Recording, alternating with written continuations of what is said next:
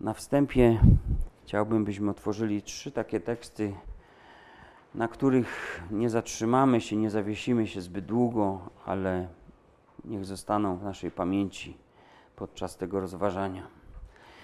Pierwszy tekst jest w Dziejach Apostolskich, piąty rozdział, trzeci do piątego wersetu.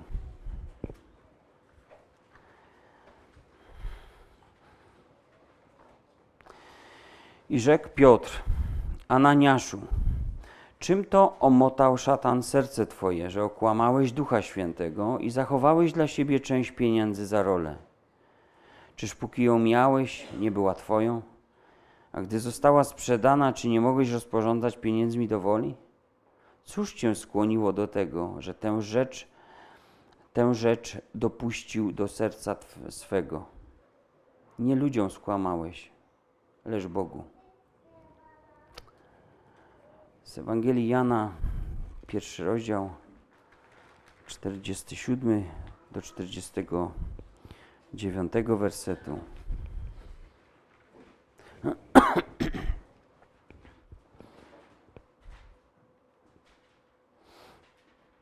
A gdy Jezus ujrzał Natanaela idącego do niego, rzekł o nim: Oto prawdziwy Izraelita, w którym nie ma fałszu. Rzecze mu Natanael: Skąd mnie znasz? Odpowiedział mu Jezus i rzekł: Zanim cię zawołał Filip, widziałem cię, gdy byłeś pod drzewem figowym. Odpowiedział mu Natanael: Mistrzu, ty jesteś synem Bożym, ty jesteś królem Izraela.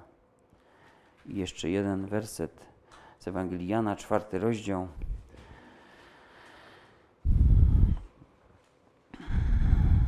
Dwudziesty czwarty werset.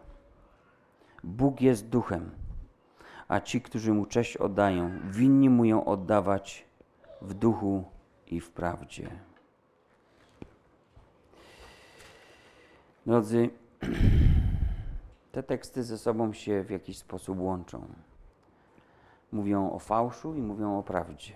Mówią o tym, kogo Bóg poszukuje, i mówią o rzeczywistości, która bywa inną. W przypadku Ananiasza szatan omotał jego serce. W przypadku Nanaela człowiek, którym nawet Jezus nie znajduje żadnego fałszu. Ciekawe dwa bieguny. Dzisiaj trochę o nich. Dziś chciałbym Wam powiedzieć coś o prawdzie i o kłamstwie. Czym w swoim życiu używasz kłamstwa? Czy posługujesz się kłamstwem? Czy żyjesz w prawdzie, czy żyjesz w kłamstwie? Sporządzono jakiś czas temu ankietę, przebadano mnóstwo ludzi pod kątem ich stosunku do prawdy i kłamstwa. I wiecie, wyniki tej ankiety były zaskakujące. No, nie powinny nas zaskakiwać, kiedy znamy słowo ale dobrze wiemy, że świat bez kłamstwa chyba nie poradziłby sobie. Choćby tylko, gdy weźmiemy pod uwagę ostatnie parę lat przestrzeń medialną, to wiele tub kłamstwa wlewało się w uszy słuchaczy czy widzów. Ale sporządzono tę ankietę i z niej wyszło, że 91% ankietowanych uważało, że kłamstwo jest dopuszczalne w sprawach błahych. 36% ankietowanych uważało, że można kłamać w sprawach ważnych.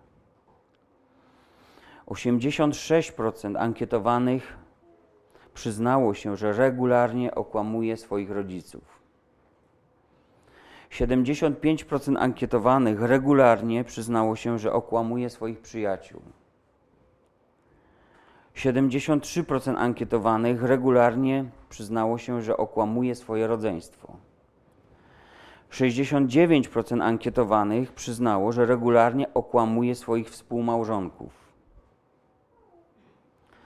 No, nie sporządzono informacji, jaka część ankietowanych uważa się za chrześcijan. Ale prawdą jest jednak to, że również chrześcijanie bywa nie traktują kłamstwa tak poważnie. Nie traktujemy go jako grzechu, który mógłby być szczególnie znienawidzony przez Boga. Potrafimy się oburzać na widok różnych grzechów, kiedy, kiedy coś widzimy i jest to ohydne, niemoralne, ale ci sami ludzie potrafią kłamać jak z nut i przechodzić nad tym do porządku dziennego, jak gdyby się nic nie stało. Małżonkowie okłamują się czasem w imię tak zwanego świętego spokoju. Rodzice okłamują dzieci, dzieci okłamują rodziców, pracodawcy pracowników, pracownicy pracodawców, reklamodawcy kłamią, by sprzedać swój produkt, politycy kłamią, by utrzymywać się jak najdłużej przy władzy. Wydaje się, że wokół mamy do czynienia non-stop z kłamstwem. Może nawet jest trochę tak, że przywykliśmy już do tego.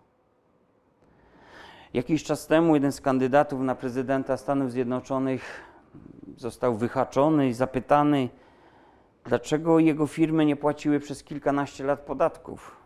Dlaczego państwo było oszukiwane, okradane? A ten z uśmiechem na twarzy, z takim cynicznym uśmiechem powiedział: Ja nikogo nie uszukałem. Ja po prostu jestem geniuszem.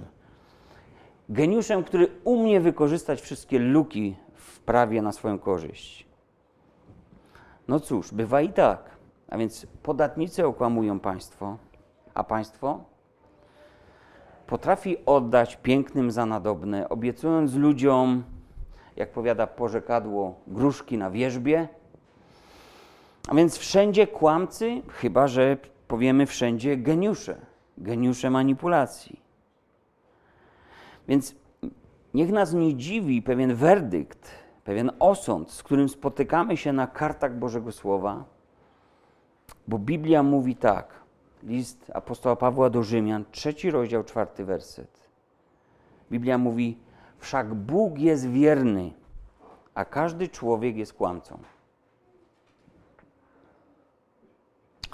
Bóg traktuje kłamstwo dość poważnie. Na tyle poważnie, że w Księdze Objawienia znajdujemy fragment, który mówi, cytuję, udziałem wszystkich kłamców będzie jezioro płonące ogniem i siarką. To jest druga śmierć.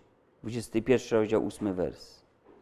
Inaczej mówiąc, w uproszczeniu, kłamcy nie znajdą się w niebie.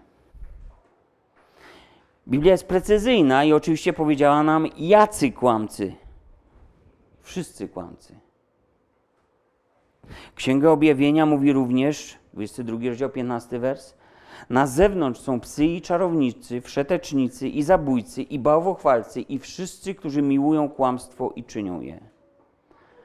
Psy oczywiście to pewna przenośna mówiąca o ludziach bez skrupułów, lecz na tej samej liście obok bałwochwalców i wszeteczników są ci, którzy posługują się kłamstwem. Kochają to robić.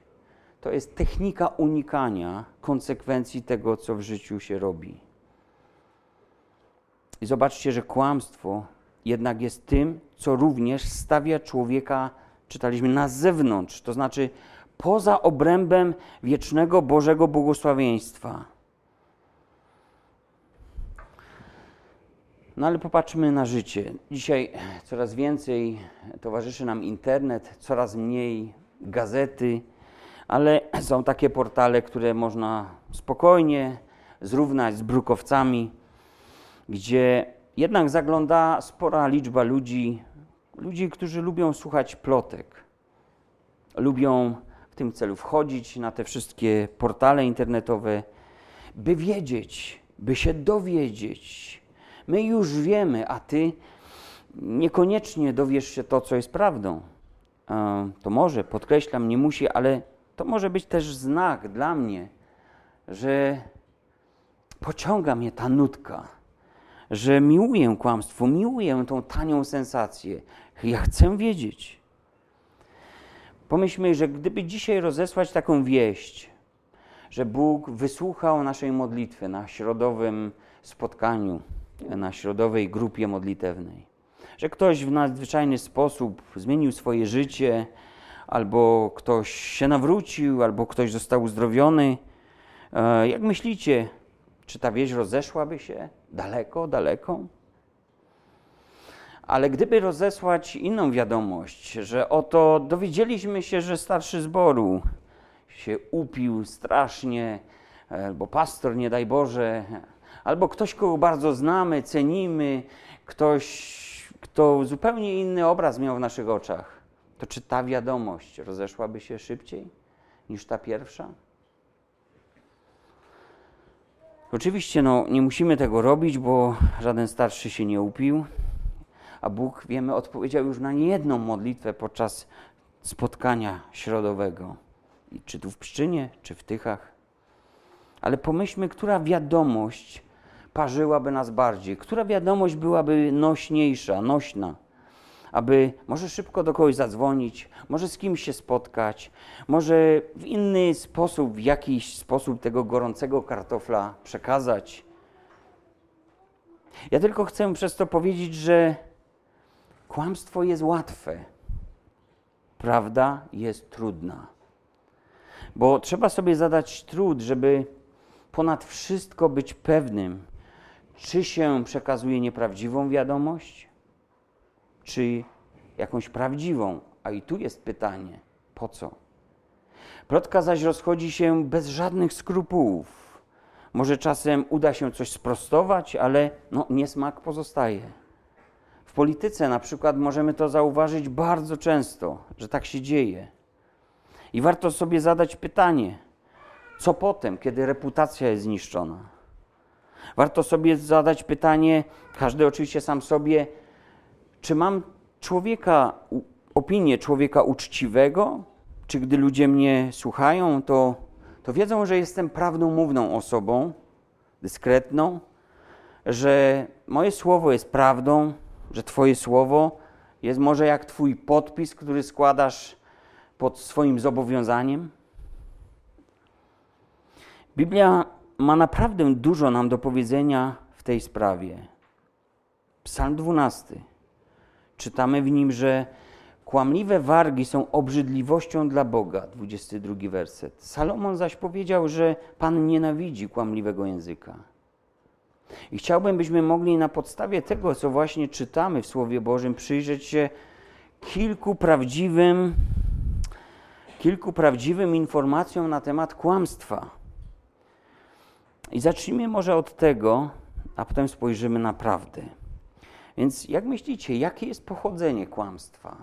Skąd w ogóle kłamstwo wzięło się e, w nas i to w takim powszechnym rozmiarze, że też przywołam tą ankietę, którą sporządzono, żeby oszacować, jak wielu ludzi ma do czynienia z kłamstwem.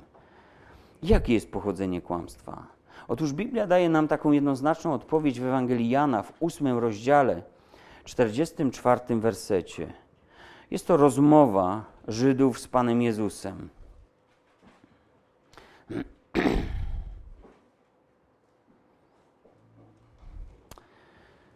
On mówi: Ojcem waszym jest diabeł i chcecie postępować według porządliwości ojca waszego. On był mężobójcą od początku i wprawdzie nie wytrwał, bo w nim nie ma prawdy. Gdy mówi kłamstwo, mówi od siebie, bo jest kłamcą i ojcem kłamstwa. Diabeł od początku kłamca, ojciec kłamstwa, źródłem kłamstwa jest diabeł. To od niego zaczęło się kłamstwo. Od niego wywodzi się początek. Moglibyśmy powiedzieć, że nawet, że kłamstwo jest ojczystym językiem jego dzieci. O ojcostwie mówimy w takim kontekście, gdy mamy do czynienia przecież z dziećmi, prawda? I gdy czytamy Biblię i przyglądamy się odsłonom, gdzie Bóg pozwala nam zobaczyć działalność diabła i to, co on mówi, to niemal za każdym razem widzimy, że on kłamie. Posłuchajcie, że też zajrzymy do kilku miejsc. Pierwszy raz widzimy diabła w Biblii, gdy kłamie człowiekowi na temat Boga. Czy kiedykolwiek diabeł oszukał cię w sprawie tego, jakim jest Bóg? Czy kiedykolwiek myślałeś, myślałaś o Bogu niewłaściwie? Zobaczcie, po pierwsze, diabeł kłamie człowiekowi na temat prawdomówności Boga, bo podważa jego prawdomówność, choćby w takim zdaniu wypowiedzianym do pierwszych ludzi Adama i Ewy: Czy rzeczywiście Bóg powiedział? Czy rzeczywiście Bóg powiedział: Nie ze wszystkich drzew ogrodu wolno wam jeść? Pierwsza Mojżeszowa, trzeci rozdział. Jaka insynuacja? Diabeł kwestionuje Boże Słowo, zasiewa jakąś wątpliwość. Zastanówmy się nad tym. Rozważmy to. To tak może nie być. W końcu, po drugie, diabeł kłamie też tym pierwszym ludziom na temat sprawiedliwości Boga. Pamiętacie takie zdanie? Na pewno nie umrzecie. No i nam amen umarli. Człowiek może zgrzeszyć i zgrzeszyć w przekonaniu, nic mu po tym nie będzie. I to jest podobne przekonanie. Na pewno nie umrzecie. On powiedział, że gdy ludzie zjedzą to, co w rzeczywistości było zakazane, to na pewno nie umrą. Szatan innymi słowy powiedział do nich: Bóg nie okaże na was swojej sprawiedliwości, którą zrobicie. Zrób to. Wejdź w to. Po trzecie, diabeł nakłamał im na temat dobroci Boga. On kłamiąc ludziom powiedział im, że Bóg stara się ich trzymać z daleka od tego, co dla nich dobre, właściwie najlepsze. Słuchajcie, Bóg trzyma was na odległość od pewnego drzewa, ponieważ sam wie, co byłoby, gdybyście zjedli. On nie chce dla was najlepiej, bo może być lepiej niż jest teraz. Bóg nie chce, abyście byli takimi, jakimi On jest. Zerwij, zjedz, posmakuj. Ty przecież wiesz, co dla ciebie jest dobre. Zrób to, co ci serce nakazuje. Więc szatan kłamał ludziom, podważając Bożą prawdomówność, podważając Bożą sprawiedliwość i podważając Bożą dobroć. Trzy razy kłamca. Kłamca, kłamca, kłamca. I tak czyni do dzisiaj. Po drugie, żeby to nie było, że jego perfidia na tym się kończy. Szatan pojawia się w Biblii również i kłamie Bogu na temat człowieka. No to już jest jakieś kuriozum. Wcześniej kłamał człowiekowi na temat Boga, a teraz odwrotnie, kłamie Bogu na temat człowieka. To jest perfidia, bo ona pokazuje, jak on mozolnie pracuje nad tym, by rozłączyć człowieka z Bogiem. Pewnego razu szatan powiedział do Boga: Czy za darmo jest Job ci tak bogobojny? Pierwszy rozdział, dziewiąty werset Księgi Joba.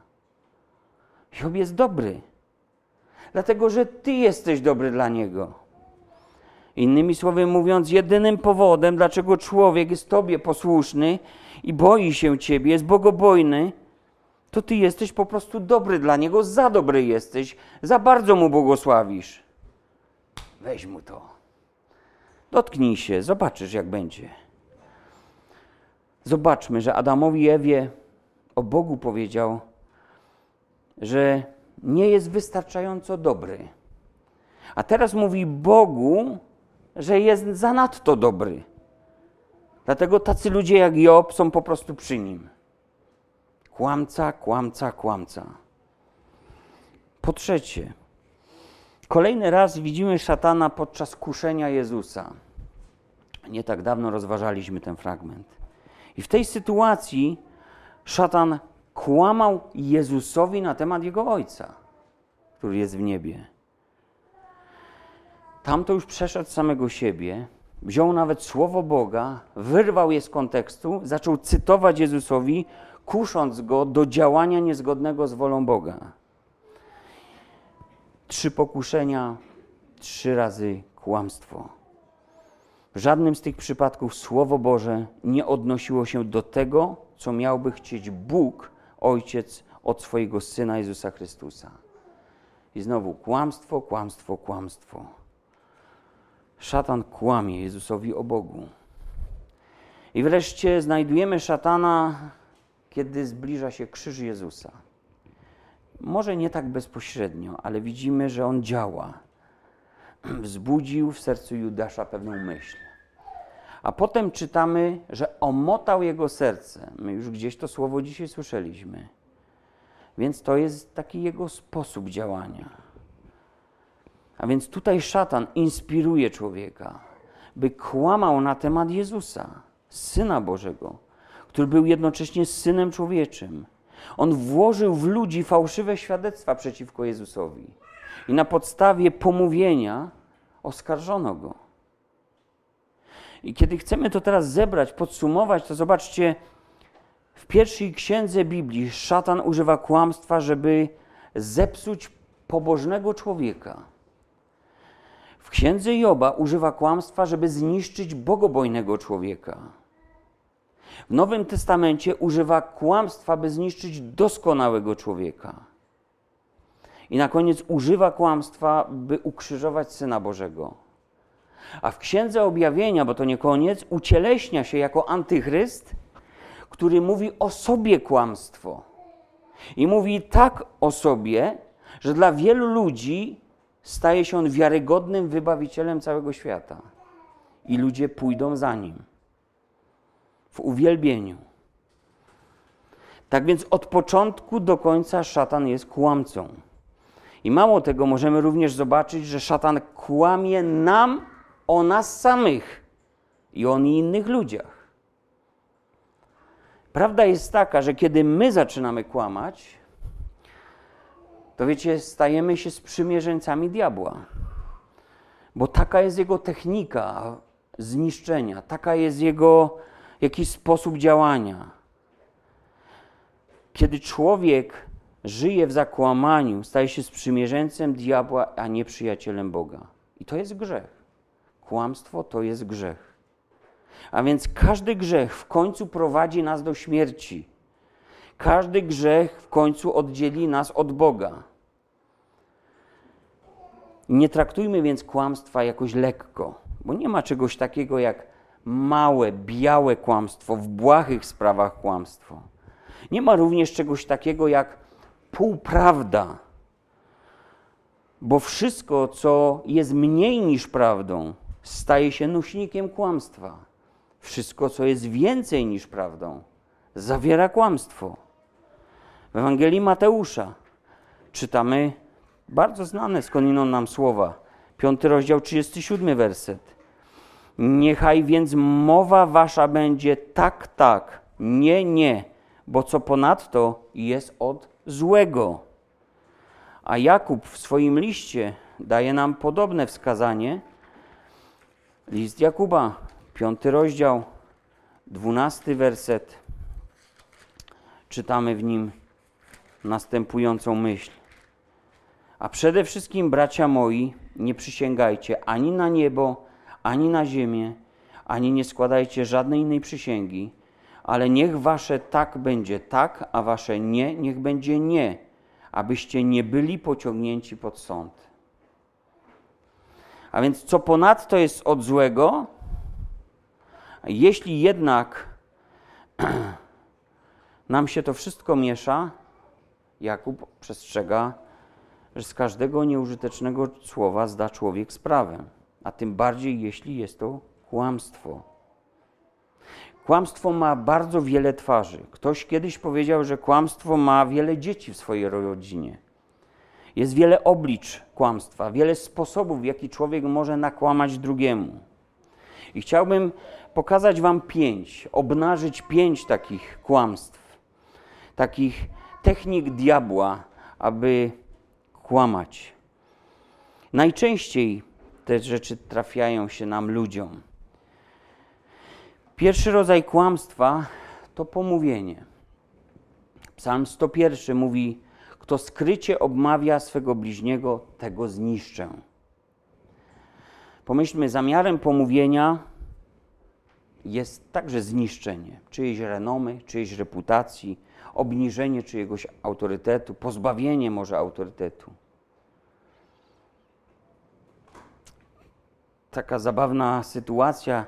Nie tak dawno oglądałem wywiad z pewnym takim już wiekowym aktorem, który jakby cały dorobek ma już za sobą. Nie wiem, co tam jeszcze mógłby zrobić i kim być. Powiedział, że w nas, Polakach, drzemie coś dziwnego, czego nie potrafi zrozumieć. Pragniemy bardzo mieć punkt odniesienia, pragniemy bardzo znaleźć jakiś autorytet, za którym możemy pójść, albo który może być dla nas czymś takim ważnym, aby osadzić nasze życie w jakimś kontekście. I mówi, dziwne nie jest to, ale dziwne jest to, że kiedy Polacy już mają taki autorytet, to z upodobaniem robią wszystko, aby go obalić. I mówi, to jest taka przewrotność nasza narodowa. Taka przewrotność narodowa. A najlepiej autorytety obala się, niszcząc reputację człowieka. Niektóre grzechy są gorsze od innych w zakresie wyrządzonych szkód. Jeśli coś tobie ukradnę, no to mogę ci potem to zwrócić. Mogę naprawić jakąś szkodę, ale jeśli będę szerzył kłamstwo o, o tobie, to być może będzie tak, że nigdy w życiu nie będę miał możliwości już tego naprawienia do końca, tego co powiedziałem. I pewnie zauważyliście właśnie, jak to w świecie działa.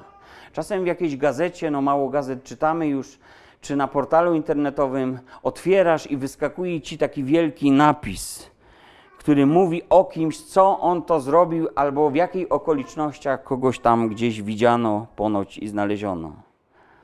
Wielkimi literami jest napisane, że ktoś jest przestępcą w tym czy innym zakresie, a potem za tydzień, gdzieś na końcu, małymi literkami, w malutkiej ramce można znaleźć sprostowanie. To nie tak, to nie to miałem na myśli. Jeśli kogoś skrzywdziłem, jeśli coś tam, coś tam, coś tam. Zostałem źle zinterpretowany, źle zrozumiany. Wielkie tytuły czyta każdy, pierwsza strona. Małe ramki z ostatniej strony sprostowania. Kto to w ogóle czyta? Tak to działa w świecie. Pewnego razu pojawiło się oszczerstwo pod adresem księdza i domyślacie się, jakiego kolibru to było oszczerstwo. Chodziło o pedofilię. I gdy wszystko na jaw wyszło, okazało się, że w tym przypadku to nie była prawda. To naprawdę nie było tak. Ale że to zrobił ktoś ze wspólnoty kościoła, kto jednak w jakichś kręgach nie był anonimowy, no, przyszedł w końcu sprawca do tego księdza i zapytał, jak mógłbym to wszystko naprawić.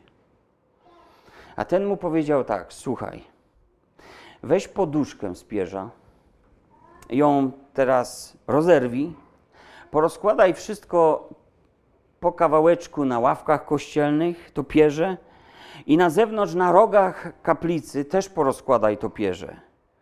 Ten był zdziwiony takim poleceniem, ale robił, no bo zrobiłby wszystko, żeby załagodzić tą sytuację. I kiedy skończył, wrócił i zapytał teraz, co dalej. A ten ksiądz mu powiedział: A teraz weź tą poszewkę i pozbieraj to całe pierze, które porozkładałeś. Ale mówi: Ale to jest niemożliwe. Jak to niemożliwe? No ja tylko otworzyłem drzwi od kaplicy i to wszystko się wzbudziło, to wszystko zaczęło latać i tego nie można było już wyzbierać. Fruwa to po całym mieście, to z rogach tam kaplicy. Na to, że ksiądz, teraz już wiesz, co możesz z tym zrobić, co narobiłeś. Naprawienie tego jest niemożliwe. I drodzy, taka historia, być może prawdziwa, zanim cokolwiek, o kimkolwiek powiemy, stawiając jego życie, służbę w niewłaściwym świetle, lepiej jest zapytać, lepiej jest się upewnić, lepiej jest się spotkać, by nie narobić sobie wstydu, a drugiemu wielkiej przykrości. W szczególności, w szczególności to dotyczy ludzi, którzy są w służbie. Apostoł Paweł pouczał Tymoteusza, mówiąc mu,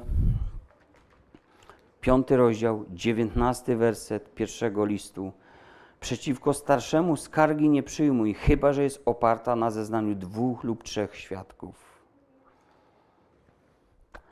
Nie wiemy, czego taka skarga mogłaby dotyczyć, ale to zabezpieczenie jest właśnie z powodu możliwego pomówienia. Więc to jest jedna twarz kłamstwa pomówienie. Druga twarz kłamstwa to plotka. Taka pospolita plotka. Plotkarstwo to po prostu skłonność do przekazywania poufnych informacji, tanich sensacji, nieprawd, półprawd, przekręconych nieco prawd, ubarwionych prawd, niekompletnych prawd, albo wprost kłamstw na czyjś czy na jakiś temat. I apostoł Paweł do Tymoteusza mówi tak, pierwszy Tymoteusza, piąty rozdział, trzynasty werset. Mówi u takie trudne słowa, to chyba jest drugi, nie, pierwszy Tymoteusza, tak. Mówi, chodząc od domu do domu i nie tylko nic nie robią, lecz także są gadatliwe i wścibskie i mówią, czego nie trzeba. To był tekst, który adresowany był do pewnych kobiet, które posiadając zbyt wiele czasu wolnego, pożytkowały go w niewłaściwy sposób.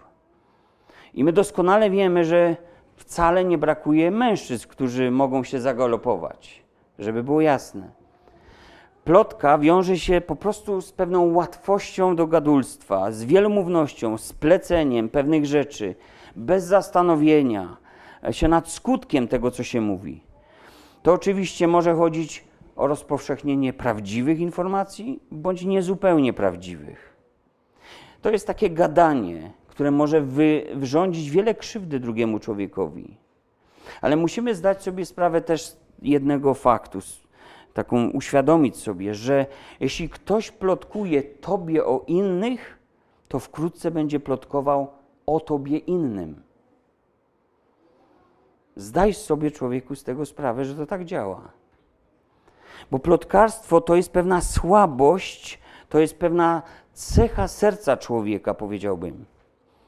Może znacie takie hasło: ludzie mówią.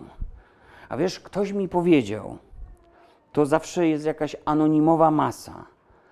Ludzie mówią, że u ciebie się coś złego dzieje.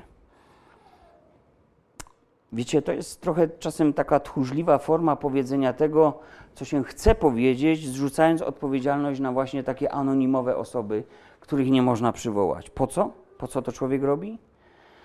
Bo boi się powiedzieć komuś prosto w oczy to, jak naprawdę myśli. Boi się reakcji, boi się konfrontacji. Bo chce wypaść wiarygodnie w oczach człowieka, do którego mówi.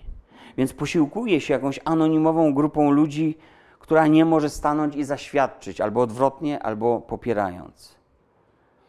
Jeśli dostrzegam, dostrzegasz to, że ludzie przychodzą do ciebie, by, by mówić tobie plotki, to może być znakiem, oczywiście nie musi, ale może być znakiem tego, że Twoją postawą, swoimi słowami wysyłasz po prostu zaproszenie do tych ludzi. Zaproszenie typu: Słuchaj, moje ucho jest otwarte, byś wsypał, wsypała w nie wszystkie swoje śmieci. Nie martw się, ja sobie to wszystko posegreguję. Moje ucho jest jak kontener na śmieci. Przyjmuję odpady, pomyję resztki. Wpadnij, zadzwoń, napisz, kawka czeka, wrzuć co chcesz, co tam masz, wyślij maila, esa. Ładuj wszystko, ja sobie przesegreguję. Plotka twarz, kolejna kłamstwa. A następna, następne oblicze kłamstwa to insynuacja. U, to już trochę perfidii tu jest w tym. Czym jest insynuacja? To jest wtedy, gdy nie mówisz wprost, gdy nie mówię wprost, tylko coś sugeruję. Tak naokoło jakoś. Daję ukrytą, jakąś domyślną informację. Jakąś zawieram tezę subtelną w tym, co komunikuje. No i może, może taki przykład. Nie wiem, kogo wybrać, zawsze to jest trudne, żeby kogoś wybrać, jeżeli takie rzeczy się mówi, ale e, mógłbym powiedzieć tak, Damian, cieszę się, że dzisiaj nie czułem od ciebie alkoholu. To co ja wam powiedziałem w tym momencie? Damian powie, no ja też się cieszę. Nie?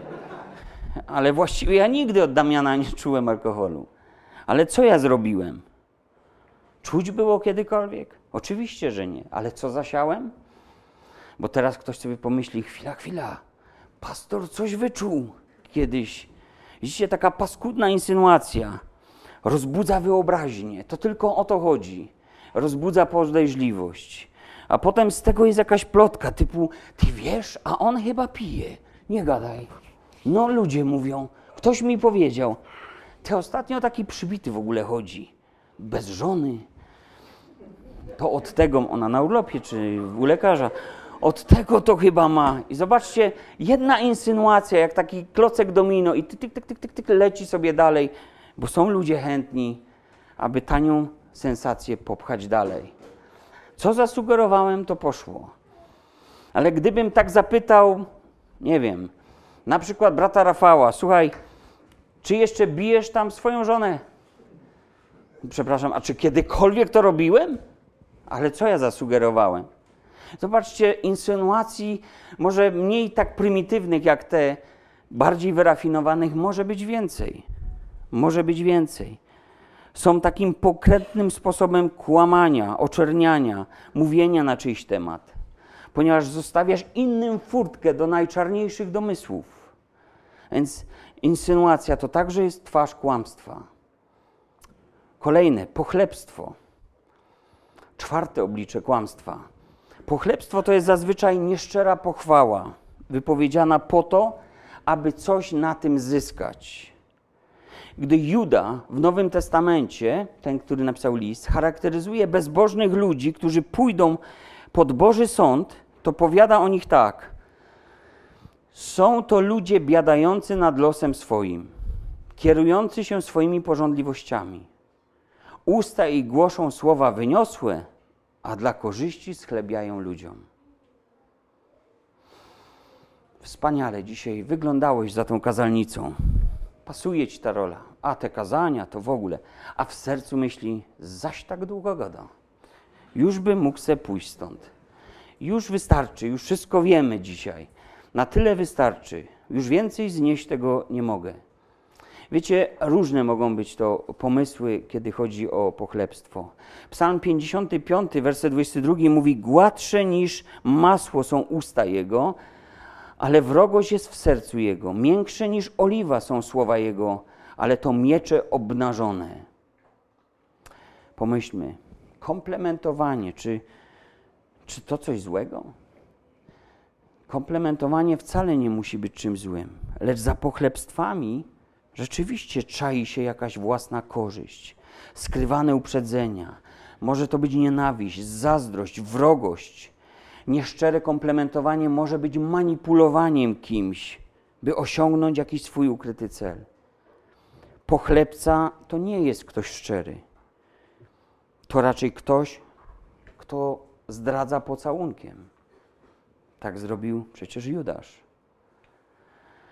Pamiętaj, że zawsze lepszym komplementem jest prawda niż gładkie pochlebstwo. Przypowieści 28 rozdział 23 werset. Kto strofuje bliźniego, zbiera w końcu więcej podziękowania niż język schlebiający. I ostatnie oblicze kłamstwa, być może jest więcej. Półprawda. Hmm. Półprawda to jest taki pięknie utkany obrus z części prawdy, którym trzeba zakryć resztę prawdy. Pytasz dziecko, to akurat z autopsji, pytasz dziecko, byłeś dzisiaj w szkole? No tak, mamo, byłem. Naprawdę byłem. Tylko nie powiedziałem, że w nie swojej po to, żeby wyrwać kolegę z tej szkoły. I poszedłem na wagary. Zdarzyło mi się. Takich historyjek banalnych może być więcej, ale może jakaś niebanalna. Abraham. Abraham udaje się do Egiptu i powiedział o Sarze: To jest moja siostra. Prawda to była? Czy nieprawda? Czy półprawda? Pierwsza Mojżeszowa, 20 rozdział. Dwunasty werset. Zrobił to drugi raz, słuchajcie. I mówi: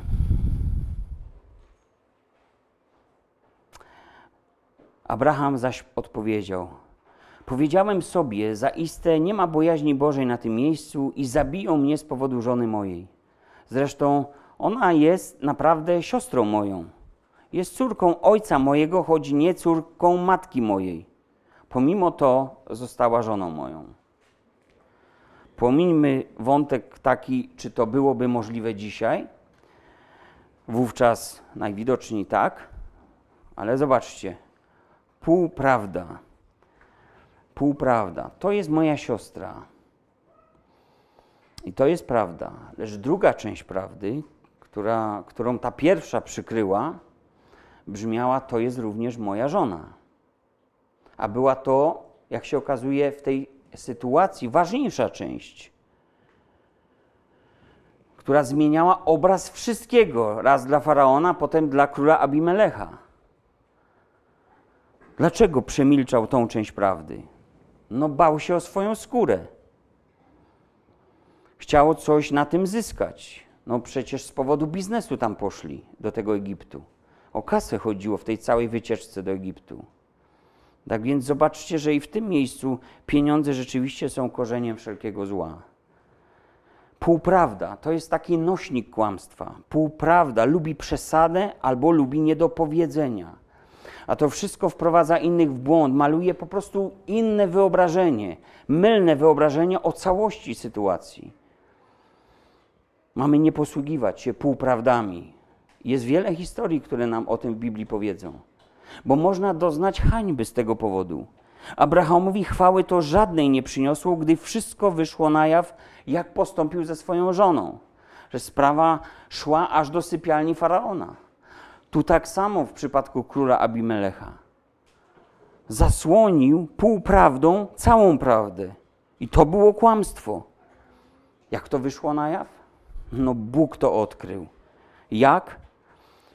To ciekawe. Bóg to odkrył, grożąc tym, którzy z żoną Abrahama mieli coś wspólnego. On by ich pozabijał. Kłamstwo, zobaczcie, oddziela nas od Boga, oddziela nas od ludzi, oddziela nas od prawdy nas samych. Jeśli nie będzie ostatecznego rozwiązania dla mojego kłamstwa, finałem tego jest to, że, że będziemy, nie będziemy w stanie wejść do życia wiecznego jeżeli ktoś żyje w zakłamaniu. Więc ważne pytanie, jak poradzić sobie z kłamstwem. Myślę, że na początek trzeba zrozumieć różnicę między Bogiem a człowiekiem. Bo po pierwsze, człowiek, jak mówi Boże Słowo, jest kłamcą, a Bóg jest prawdomówny, Bóg jest wierny. Człowiek nie jest kłamcą dlatego, że kłamie, ale kłamie dlatego, że w swojej naturze jest kłamcą. To jest różnica. Wielu myśli, że kiedy przestają kłamać, to przestaniemy być kłamcami. Ale tak nie musi być. Jeśli w danej chwili nie popełniam grzechu, to wcale nie oznacza, że nie jestem grzesznikiem, prawda? Mamy naturę grzeszników, a więc też naturę kłamców od urodzenia. Od najmłodszych lat rodzice uczą dzieci mówienia prawdy. Ale czy musimy uczyć dzieci kłamania? No nie musimy. Samo się pojawi. Prawda jest zaś cechą samego Boga. Jezus powiedział o sobie: Ja jestem prawdą. Biblia mówi o Duchu Świętym, że to jest duch prawdy. O Słowie Bożym czytamy, że Słowo Boże jest prawdą, a Bóg, który je wypowiada, jest prawdomówny. A więc taki jest dystans, taka jest przepaść między człowiekiem a Bogiem. Jak możemy pokonać kłamstwo? Apostoł Paweł w drugim Tesaloniczan, drugim rozdziale o ludziach, którzy zginą z rąk antychrysta, on mówi, że stracą życie. Dlatego, ponieważ nie przyjęli miłości prawdy, która mogła ich zbawić. To jest drugi rozdział, dziesiąty werset. Ci ludzie stracą życie, ponieważ nie przyjęli miłości prawdy. A więc trzeba przyjąć miłość prawdy, która jest w stanie człowieka uratować, a wiemy, że Jezus powiedział: Poznacie prawdę, a prawda was uratuje, uwolni, wyswobodzi. Trzeba przyjąć, inaczej mówiąc, Jezusa Chrystusa. On jest tą prawdą. Doświadczamy zbawienia również od zakłamanego życia. W nawróceniu między innymi chodzi o to, aby nie tylko przyjąć Go, ale również pozbyć się z życia czegoś. Właśnie taka jest prosta, zwykła biblijna definicja nawrócenia. Dzieje 26 rozdział, 17 werset, kiedy Paweł mówi o tym, że posłał go Bóg, aby 26, 18 dzieje, aby otworzyć ich oczy, to znaczy pogan, odwrócić od ciemności do światłości i od władzy szatana do Boga, aby dostąpili odpuszczenia grzechów przez wiarę we mnie, współudziału, współudziału z uświęconymi. Tak mówił do króla Agrypy. I tak Paweł rozumiał nawrócenie od czegoś do czegoś.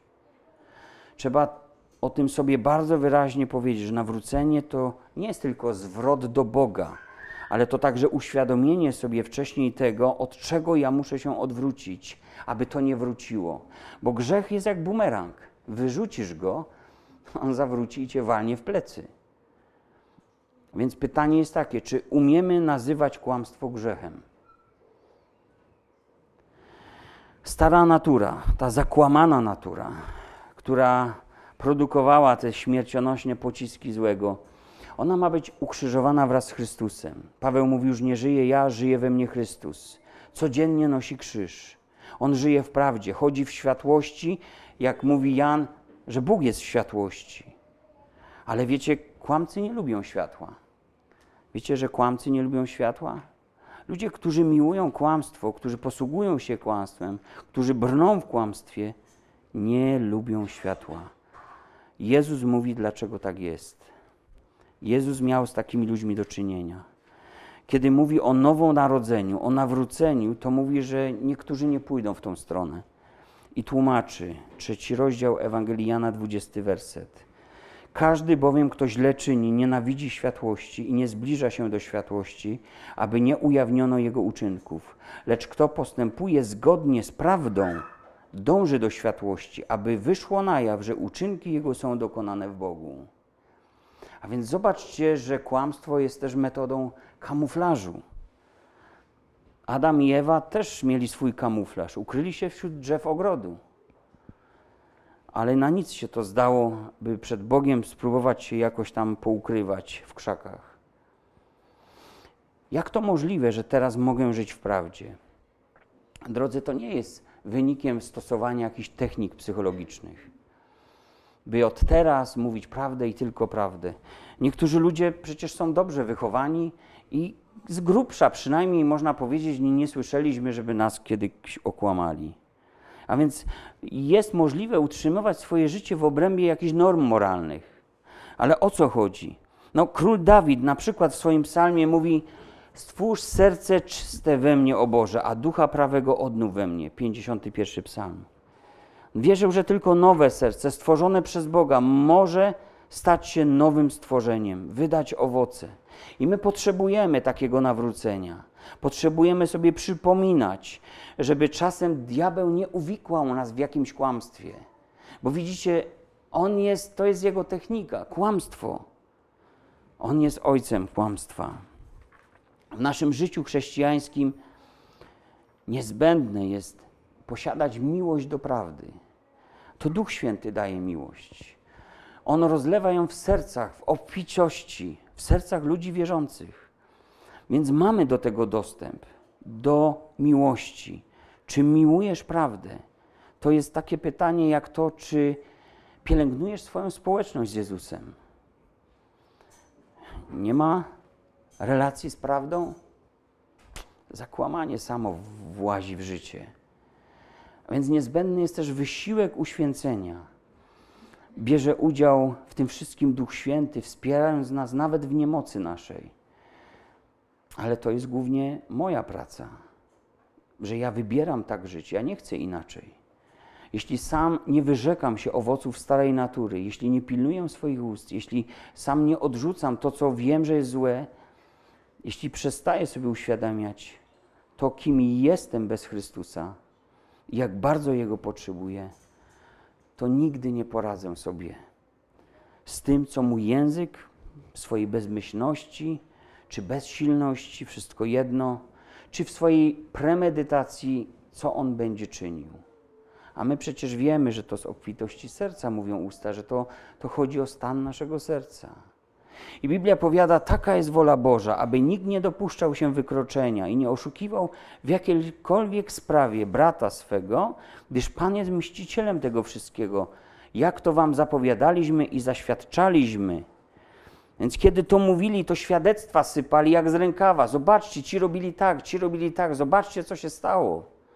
Że słowa nie rzuca się na wiatr, że, że życie i śmierć jest z mocy języka. Kiedyś słyszałem taką historię, był ktoś, kto strasznie obśmiewał i żonę, i ludzi po prostu, którzy się nawrócili e, i wyśmiewał się z Boga, a pojechał z nimi na piknik, na, na jakiś tam wyjazd zborowy, jak my niedawno, gdzieś tam na jeziorze wypłynął łódką. Ludzie mówili, ty nie wypływaj, bo burza się zbliża. A on się znowu nabijał, stanął na tej łódce i mówi, Boże, wal! Słuchajcie, były sekundy. Dokładnie piorun walnął w tą łódkę. Takich historii słyszałem kilka, kilkanaście. To się naprawdę zdarza. Śmierć i życie są w mocy języka. Niegdyś i wy postępowaliście podobnie, kiedy im się oddawaliście, ale teraz odrzućcie i wy to wszystko: gniew, zapalczywość, złość, bluźnierstwo, nieprzyzwoite słowa z ust waszych. Nie okłamujcie się nawzajem. Skoro zewlekliście z siebie starego człowieka wraz z uczynkami jego, a przyoblekli w nowego, który się odnawia ustawicznie ku poznaniu na obraz tego, który go stworzył. Nie okłamujcie się nawzajem, skoro zewlekliście tego człowieka starego. Niegdyś tak było, ale Bóg to zmienił. Tak już nie jest. liście do Efezjan czytam, a obleczcie się w nowego człowieka, który jest stworzony według Boga w sprawiedliwości, świętości prawdy. Przeto odrzuciwszy kłamstwo, mówcie prawdę każdy z bliźnim swoim. Odrzuć kłamstwo. Odrzuć kłamstwo jako narzędzie kamuflażu, narzędzie radzenia sobie w życiu z czymkolwiek. Mamy to odrzucić. Każdy tekst o tym nam powie. Weźmy apostoła Piotra. Odrzuciwszy więc wszelką złość, wszelką zdradę, obłudę, zazdrość, wszelką obmowę, jako nowonarodzone niemowlęta zapragnijcie niesfałszowanego duchowego mleka, abyście przez nie wzrastali ku zbawieniu, gdyżeście zakosztowali, iż dobrotliwy jest Pan. Mówcie prawdę. Nie pomawiaj, nie insynuuj, nie plotkuj, nie schlebiaj, nie posługuj się półprawdami. Albo jak młodzi ludzie powiedzą, po prostu nie ściemniaj. Bóg to wszystko widzi.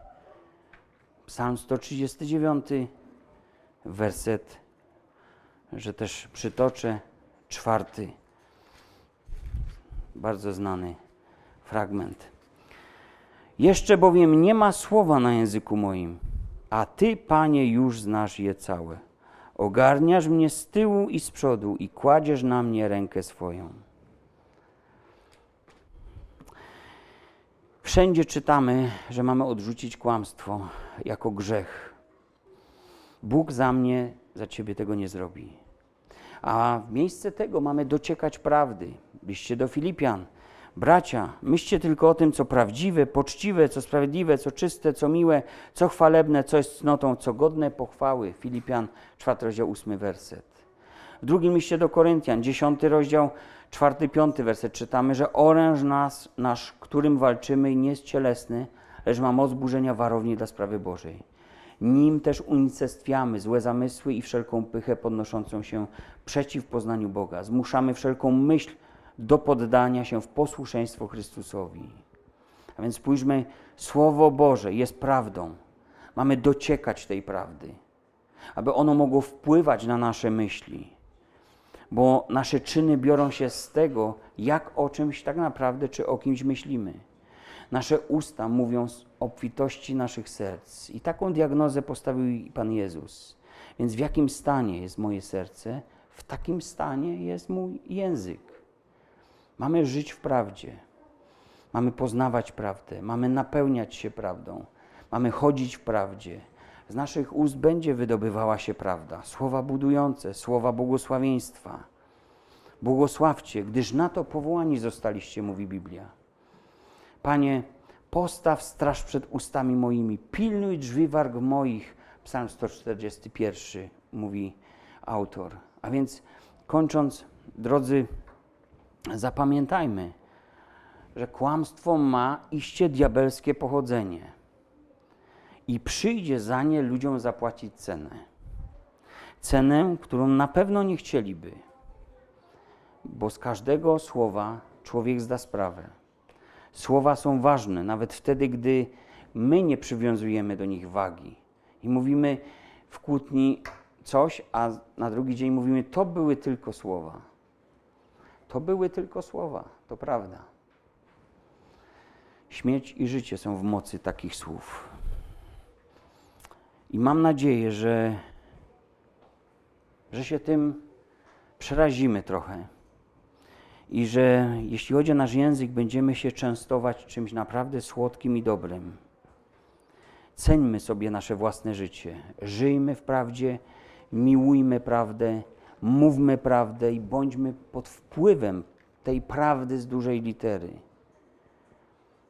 Ja myślę, że każdy z nas, tym chce zakończyć, chce być osobą, chcemy być ludźmi zadowolonymi z życia, szczęśliwymi chcemy być ludźmi. I zobaczcie, jak wielki wpływ ma jednak język na to, jakie życie sobie zafundujemy.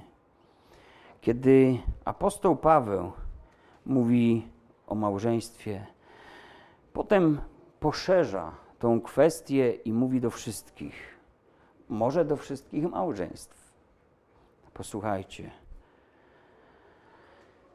Bo kto chce być zadowolony z życia i oglądać dni dobre, ten niech powstrzyma język swój od złego, a wargi swoje od mowy zdradliwej.